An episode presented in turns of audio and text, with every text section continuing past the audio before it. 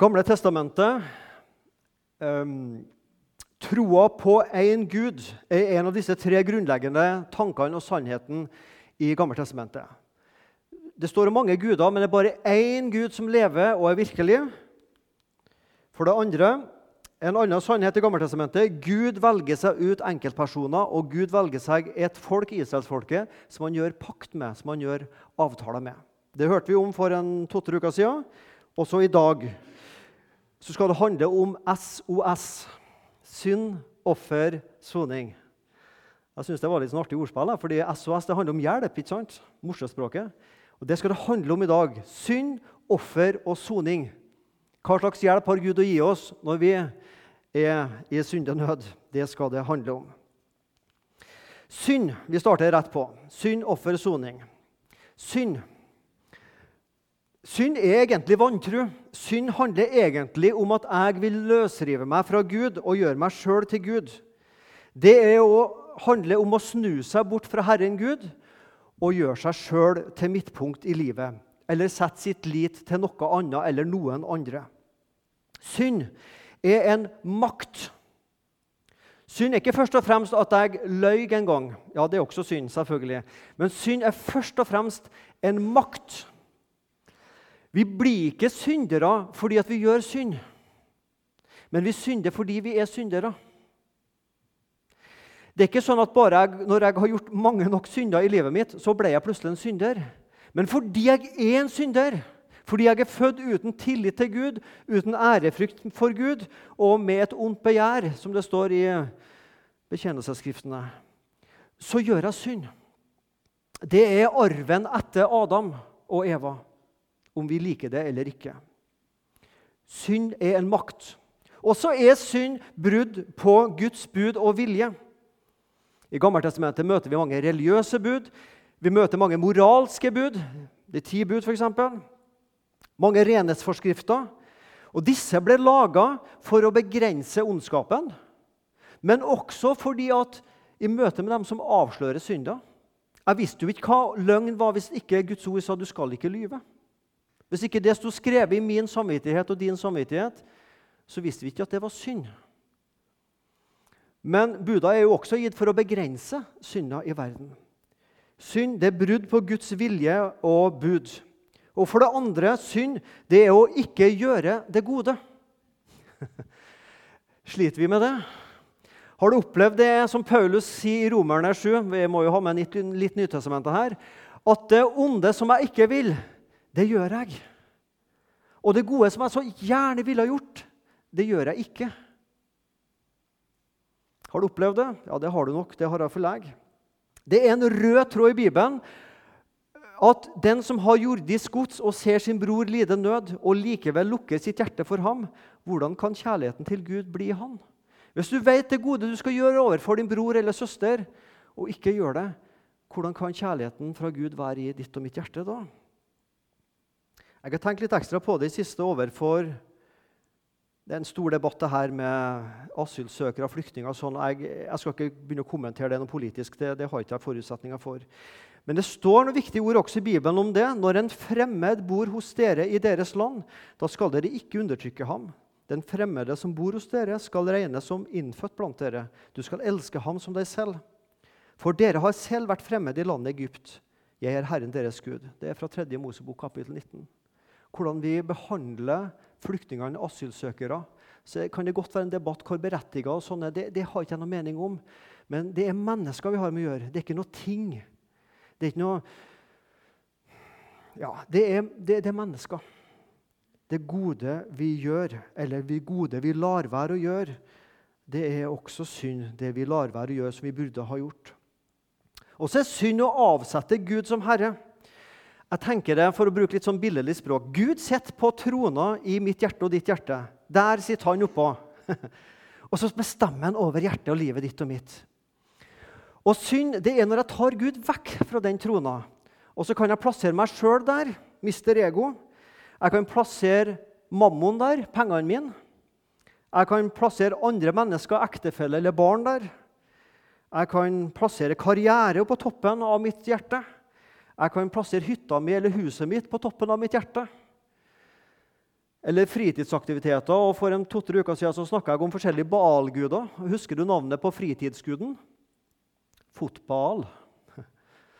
Ja, det står altså ikke i Bibelen, men det var mitt påfunn. Fotball.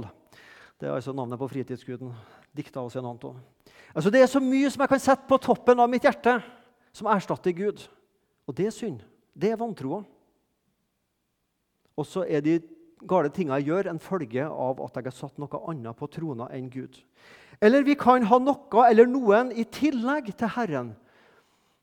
Da jeg om, Sist så snakka jeg bl.a. om kong Manasseh i Bibelen, i Gammeltestamentet. Og Han ga vi terningkast én, hvis du skal bruke terningkastmetoden. Han var den dårligste av alle kongene. Han trodde på Gud, men han måtte ha noe i tillegg til Gud. Han må ta Baal-gudene, han må ta Astarte han må ta alt mulig slag i tillegg, for, i tillegg, til Gud. For det var ikke sikkert at Gud hjalp mot alt, eller hjalp for alt. Og så må man ha noe i tillegg til Herren Gud. Det er også synd. Det kan være Baal-gudene. De er ikke så veldig stort problem for oss da i dag. For Når Paulus skriver, så var det jo omskjærelser. Det er jo ikke noe gale ting. Men det hadde galaterne og andre i tillegg til nåden i Kristus. Er ikke sikkert det er nok med nåden i Kristus, så vi må stole også på omskjærelsene. Eller vi, st vi stoler på lovoppfyllelser. Jeg må også oppfylle loven til et visst punkt. I alle fall. Eller vi stoler på religiøse ritualer. Og så blir kristendom det blir ritualer, regler og rutiner, og ikke relasjoner. Religiøsitet det er ritualer, regler og rutiner, mens kristendom er relasjoner. Og Sånn kan vi ha noe i tillegg til Jesus på trona. Det er synd. Her ser du bildet av Bal, nei, ja, Bal til en av balgudene til venstre. Og så har du Kain og Abel. Det første mordet vi leser om. Synd har konsekvenser. Og Den første konsekvensen fikk Adam og Eva høre.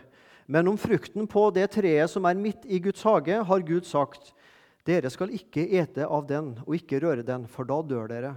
Første Mosebok 3.3. Den da nok spist av frukta. Om det var eple eller appelsin, det vet ikke vi. Det står altså ikke i Bibelen at det var eple, selv om alle tenker eple. når man tenker det. Men når de spiser av denne frukta, så skal dere dø, sa Gud. Og da er mitt spørsmål døde de?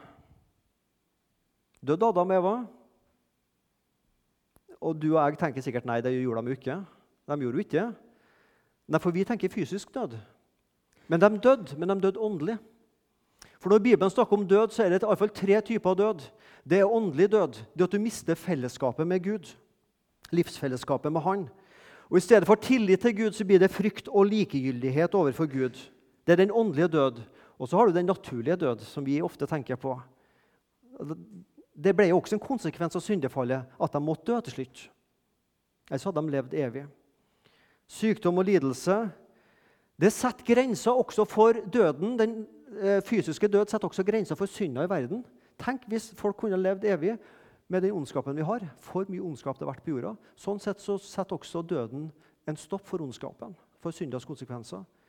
Men den fysiske død er også en konsekvens av syndefallet. Og så har du for det tredje den evige død. Fortapelsen, helvete. Borte fra Gud for evig. Åndelig død, fysisk død og den evige død. Det er en av konsekvensene av at du og jeg synder. Og så har du den, det andre ordet offer. Og Der har vi da lest denne uka mye fra tredje Mosebok om ulike offer. Og Vi summerer det opp i kapittel 7 i tredje Mosebok, vers 37 og 38.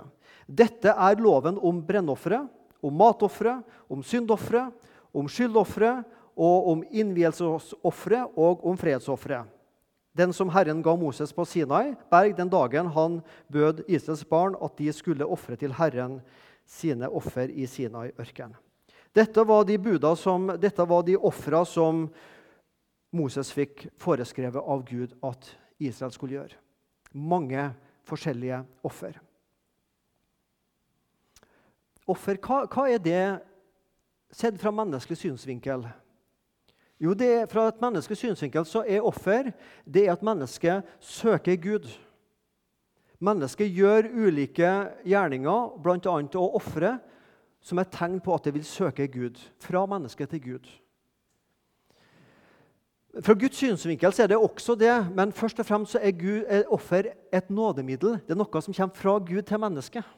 Noe Gud gir til mennesket for at mennesket ved å ofre skal bli tilgitt. Fra mennesket til Gud, men først og fremst fra Gud til mennesket. For mennesket har behov for forsoning med Gud. Derfor, Gud, derfor ga Gud jødefolket ofrene. Og offeret bæres fram på et alter. Vi leser om Noah, vi leser om Abraham, Isak, Jakob, eh, Josef, Moses, Josva osv. At alle bygde et alter og ofra på det. Både som en tegn på at de søkte Gud, og for å holde fellesskapet med Gud, men også for å ta imot tilgivelse fra Gud. Så alter og offer er veldig sentralt. Og Stort sett så var det jo prester som ofra. Og Fra 3. Mosebok kapittel 5, vers 5-6 så møter vi både synd, offer og soning. Når noen altså har ført skyld over seg ved noe av dette, som da er nevnt litt tidligere, skal han bekjenne den synden han har begått, og han skal bære fram for Herren et skyldoffer for den synden han har gjort. Det skal være et hunndyr av småfe, en sau eller en geit, til syndoffer, og presten skal gjøre soning for ham for hans synd. Der møter du synd, og der møter du offer, og der møter du soning. I samme bibelverser. Det, finnes, det, fantes mange forskjellige typer offer. og Dette starta israelsfolket med i ørkenen og holdt på med helt fram til år 70, da tempelet ble ødelagt av romerne. Og Siden den tid så har de ikke drevet med offer. Men i hele den perioden så drev man og ofra. Du har ikke-blodige offer hvis du bar fram fra markens grøde, frukt og, og grønnsaker og sånn, så var jo det et ikke-blodig offer. Men de fleste offer var, var med blod i. Soningsofre. Det står f.eks. om brennofre. At når de skulle brenne brennofferet, så skulle alt brennes. Ingenting skulle bli igjen. En total Alt skulle brennes opp. Og så er på en måte det et, også et bilde på hengivelser til Gud. Alt skal bli gitt til Gud. Jeg gir deg alt, Gud. Alt brennes opp. Brennofferet. Altså det jo hengivelsen til Gud med hele meg. Skyldoffer, syndoffer, brennoffer, soningsoffer. Og så er det et litt interessant begrep når vi på å lese noe i tredje Mosebok. Den som synder av vannvare eller uforskyldt. Altså, Hvis du synder med viten og vilje 'Jeg vil synde'. Jeg skal synde. Jeg vil synde. Da heter det å synde med opprekt hånd. Men når du gjør noe galt uten at du egentlig ville det, sjøl om det ligger i hjertet, så heter det å synde av vannvare eller uforskyldt. Og så var det ulike ofre der som du skulle gjøre. Du skal ikke bruke mye tid på det nå, men ta gjerne og frisk opp hvis du ikke har fått med disse kapitlene i tredje Mosebok og les litt om hvordan Gud tenkte den gangen i den tida for israelsfolket. Og Så står det at når offeret brennes, så er det en velbehagelig duft for Herren. En duft som er til behag for Herren. Det er til glede for Gud. For Gud ser at det er noen mennesker som søker Han. Og så ser Gud at her i offeret får jeg gi min nåde og min tilgivelse. Her dufter det godt. Her dufter det offer. Her dufter det tilgivelse og nåde. Hvis dere ser på det bildet som er her nå, så ser dere en, en prestehånd som ligger oppå hodet på denne sauen. Og når de skulle ofre, så starta man med å ta en sånn sau. Jeg tror det er sau, jeg er ikke så veldig innpå det, men uh, det ligner iallfall. Og så la han, presten handa på den og på en måte innvia sauen til offerhandlinga men også på en måte overført synda fra folket til denne offerbukken. Og Så ble dyret slakta, og så tok man noe av blodet og stenka det, eller skal vi kalle det, og skvetta det på alteret. Og så brant man offerdyret, delvis eller helt. Og hvis man brant det delvis, så hadde man et offermåltid etterpå med kjøttet. Og Det var stort sett prestene som spiste det. Sånn var det offeret foregikk. Man tok synda og la det på syndebukken. Slakta, stenka blodet på alteret. Brant det opp helt eller delvis, og så spiste det som var igjen. Og Så skal vi gå til den store offerdagen. Og det er det som på på eh, hebraisk heter Yom Kippur, den store forsoningsdagen. Eh, og For oss som er fotballinteressert, så er det cupfinalen hvert år. Det er høydepunktet i Fotball-Norge. Og For å bare bruke det som et bilde, så er dette på en måte jødefolkets cupfinale. for å si Det på den måten. Det, det er den største dagen. I en cupfinale har du tapere og vinnere. Her har du bare vinnere. Denne dagen ville ingen la gå forbi, for her skjedde det største av alt på den store forsoningsdagen. Og da skal vi lese litt sammen fra 3. Mosebok kapittel 16, vers 5-10. Av Israels barns menighet skal presten få to geitebukker til syndoffer og enhver til brennoffer. Så skal Aron, eller da presten, føre fram sin egen syndeofferokse og gjøre soning for seg selv og sitt hus. Og han skal ta de to geitebukkene og stille dem fram for Herrens åsyn ved inngangen til sammenkomstens telt, altså tabernaklet, og senere i tempelet. Aron, presten, skal kaste lodd om de to geitebukkene, ett lodd for Herren og ett lodd for den bukken som skal sendes bort. Og Der står det i grunnteksten et interessant begrep. As Asasel. Asasel. Og Det brukes kun her i 3. Mosebok kapittel 16. Så det har vært mye diskusjoner blant teologene. Hva betyr det? Er det ja, Det har vært mange tanker om det, men de fleste tror at det handler om å, send, å sende bort. Verbet 'å sende bort'. Altså en bukk for den som skal sendes bort. av Sasel. Den bukken som ved loddkasting er tilfalt Herren, skal Aron føre fram, slakte og ta ofre og blodet på alteret. Men den bukken som loddet var falt på, den som skal sendes bort, av Sasel, skal stilles levende fram for Herrens åsyn for at det skal gjøres soning ved den, og så skal den slippes løs for å sendes ut i ørkenen. Vi som lever i en vestlig kultur, vi tenker i setninger, læresetninger, eh, prinsipper, ideer, definisjoner og lister. I en østlig kultur så tenker man i bilder i langt større grad. Man tenker i lignelser og i symbolhandlinger på en langt større måte enn oss. Så det som skjer her, det er en symbolhandling på noe veldig stort. Vi skal gjøre en lang historie kort, for tida går fort. Men ypperstepresten har altså først en bukk som han ofrer for sin egen del, og så er det to stykker. En som skal ofres på alteret, blodet på alteret, og en som skal sendes bort i ørkenen. Det er syndebukken. Det begrepet kjenner vi syndebukk. Det er bare at I norsk språk så brukes det begrepet feil. For Hvis en keeper gjør en kjempetabbe og er skyld i at laget taper, så sier folk han er syndebukken. Men det er feil. Syndebukken er den som ikke har skylda, men som fikk skylda. Nå kan det jo være at noen spillere burde ha skåra mål, da, sånn at keeperen blir sittende alene. med Jeg tar den.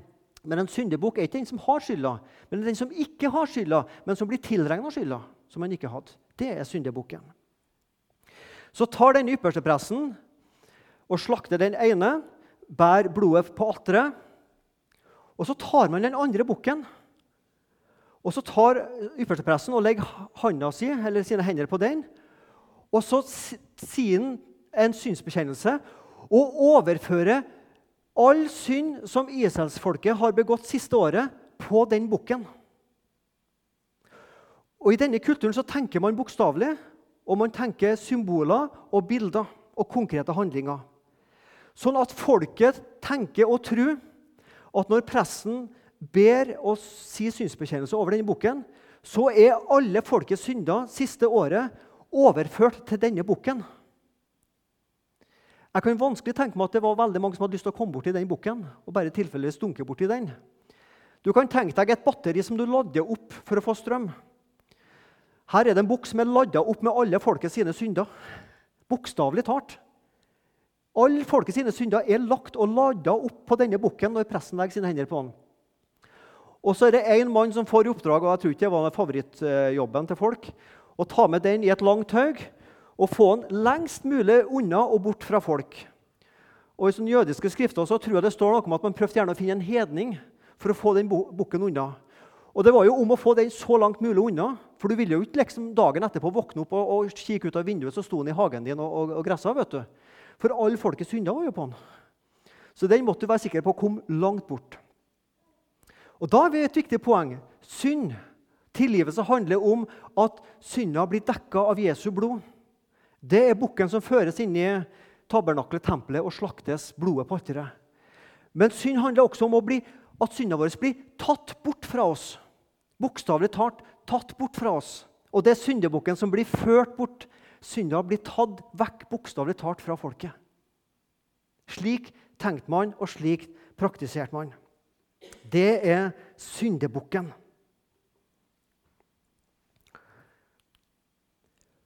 Om blodet på alteret, 3. Mosebok 1711.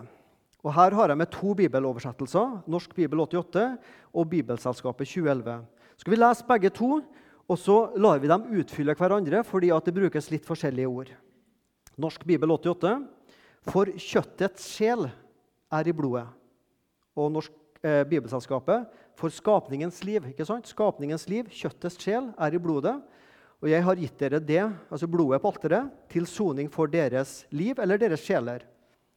For blodet er det som gjør soning fordi sjelen, fordi livet er i det. Blodet må komme på alteret. Og vi som er kristne, som snakker om Jesu blod For oss er det store alteret det er korset, det er Golgata. Det er vårt alter, der Kristus ble ofra. Og så var det en ypperste prest, og så var det en offerbukk, og så var det en helligdom, og så var det et alter. Jesus er vår ypperste prest. Jesus er vår offerbukk. Og Golgata er vårt alter, og Jesus er vår helligdom. Jesus bærer seg sjøl til korset. Ypperstepresten bar offerbukken. Jesus bærer seg sjøl for oss til Golgata kors. Soning, hva er det for noe? det er Hva er evangeliet, mente jeg? Jo, det er soning pluss alle. Det er evangeliet. Det er soning for synd, og så gjelder det alle. Ikke bare de mest åndelige eller bare visse utvalgte. Det gjelder alle mennesker Jesus dør for. Det er evangeliet.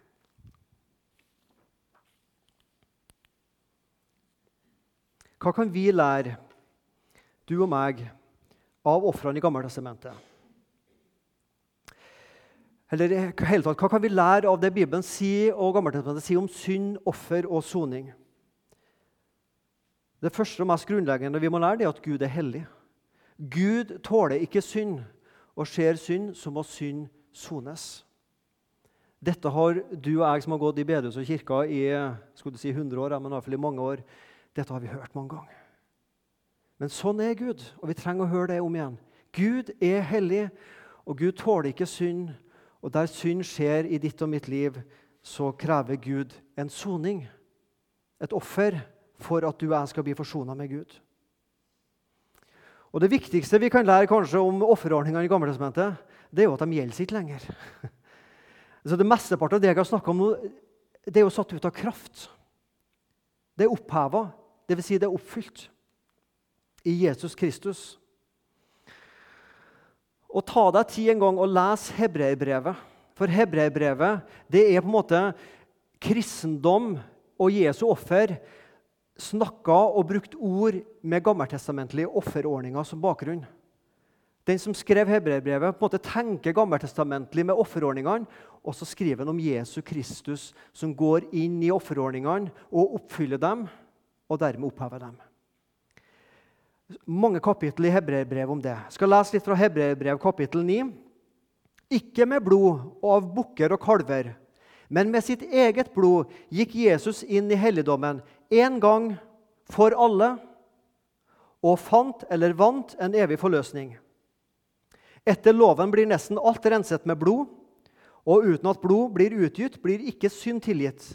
Men nå men nå er Jesus blitt åpenbart én gang ved tidenes ende for å ta bort synden ved sitt offer. Ett offer i Jesus Kristus på Galgata. Én gang for all tid. Det å leve i tilgivelse, det er å leve på det som Jesus gjorde én gang. For alle mennesker, for all tid og for all synd. Du og jeg som har bil, vi må ha bilen vår på EU-test annethvert år for å få godkjenningsstempel på den. Da varer det i to år til. Og så må du inn på nytt igjen i to år til. Jødefolket de på en måte hadde tilgivelse ett år om gangen. Og så var det på den store forsoningsdagen på en måte en EU-test. Inn på nytt, og så få tilgivelse. Og så gjaldt det for ett år. Det var datostempling på det blodet der. Det gjaldt for ett år om gangen. Så måtte du gjennom det samme på nytt og på nytt, år etter år. Og Så var det ukentlige offer og så var det daglige offer og så var det en hel offerordning rundt dette Gammeltestamentet. Og du og meg som lever etter Kristus, én gang for alle mennesker, for all synd som du har gjort, og som du gjør i dag, og som du kommer til å gjøre, og for all tid. Er ikke det bra? Vi slipper, ikke opp, å styre offerordninga, folkens. Det er ferdig. Det er oppgjort. Hørte jeg et lite halleluja på det? Ja, amen òg. Ja, veldig bra. Vi lever i tilgivelse. Vi lever på et offer som er ferdig. Det er ikke ferdig, det virker ennå. Det virker helt til Jesus kommer igjen. I himmelen trenger ikke vi en offer, men nå lever vi på det offeret. Det gammeltestamentlige offerordningene er oppfylt i Kristus. Det er oppheva. Vi har kun korset. Og det er ikke kun å ha det, men det er kun det vi skal forholde oss til. Det å leve i tilgivelse. Og Dermed kan vi gå også til Jesus først. Og vi kan gå til Jesus med alt. Du og jeg vi kan gå til Jesus med det onde i livet, det vanskelige i livet, og bli tilgitt pga. Jesu soningsdød. Og Vi kan også få gå til Jesus med det gode i livet. Hva mener jeg med det? Jo, jeg mener det som, første, som Peter snakker om i 1. Peters brev, kapittel 2, vers 5, om at vi er et hellig presteskap. Nå er ikke Levis pressedømme eller Aron eller altså, eller sånn. Nå er det deg og meg. Vanlige kristne. Vi er et hellig presteskap, kvinner og menn, som skal bære fram åndelige offer, slike som er Gud til behag ved Jesus Kristus. Vi skal, også, vi skal, komme med vår synd til Kristus, og så kan vi også komme med våre åndelige offer, det gode, til Kristus. For Vi leser Bibelen i sammenheng, og vi ser at når Nytestamentet snakker om offer, så er det syndofferet Kristus. Det skal vi ikke gjøre, heldigvis og takk og lov for det. Men så er vi kalt til å gjøre våre åndelige offer. Lovsangsoffer. Gjøre gode gjerninger. Glem ikke å gjøre godt og dele med andre. Givertjenester er også en del av vårt offer. Det er en del av våre åndelige offer. Dem er ikke oppheva. Og akkurat på en måte som brennofferet, som der skulle brennes opp alt, så for å symbolisere hengivelser, så tenker jeg vårt åndelige offer det er noe med denne hengivelsen å gi Kristus alt. Jeg vil gi deg alt, jeg vil gi deg alt. Du skal råde, jeg vil gi deg alt. Det er lett å synge, det er verre å gjøre det. Men at denne hengivelsen kunne vært i mitt liv. Jeg vil gi deg alt, Jesus, for du gav alt for meg.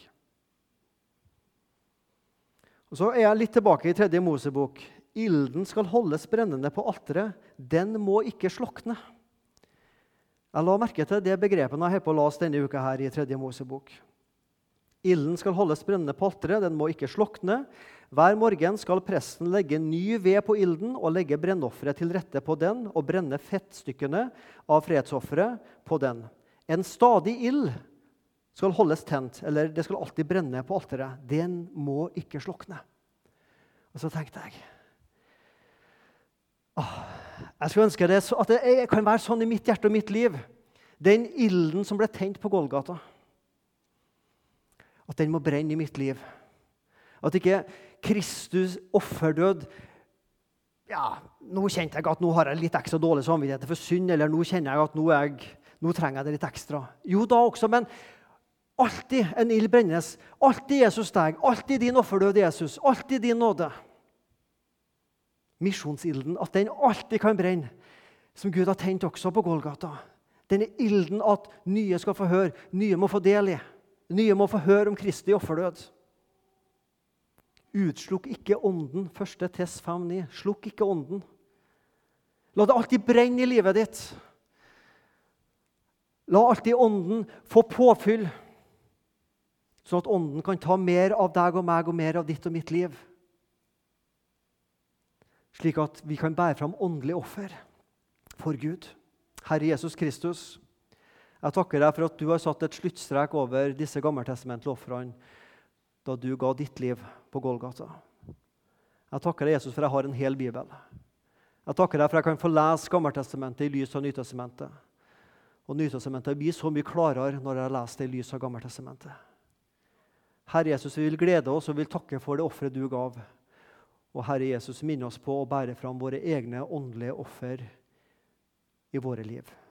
Amen.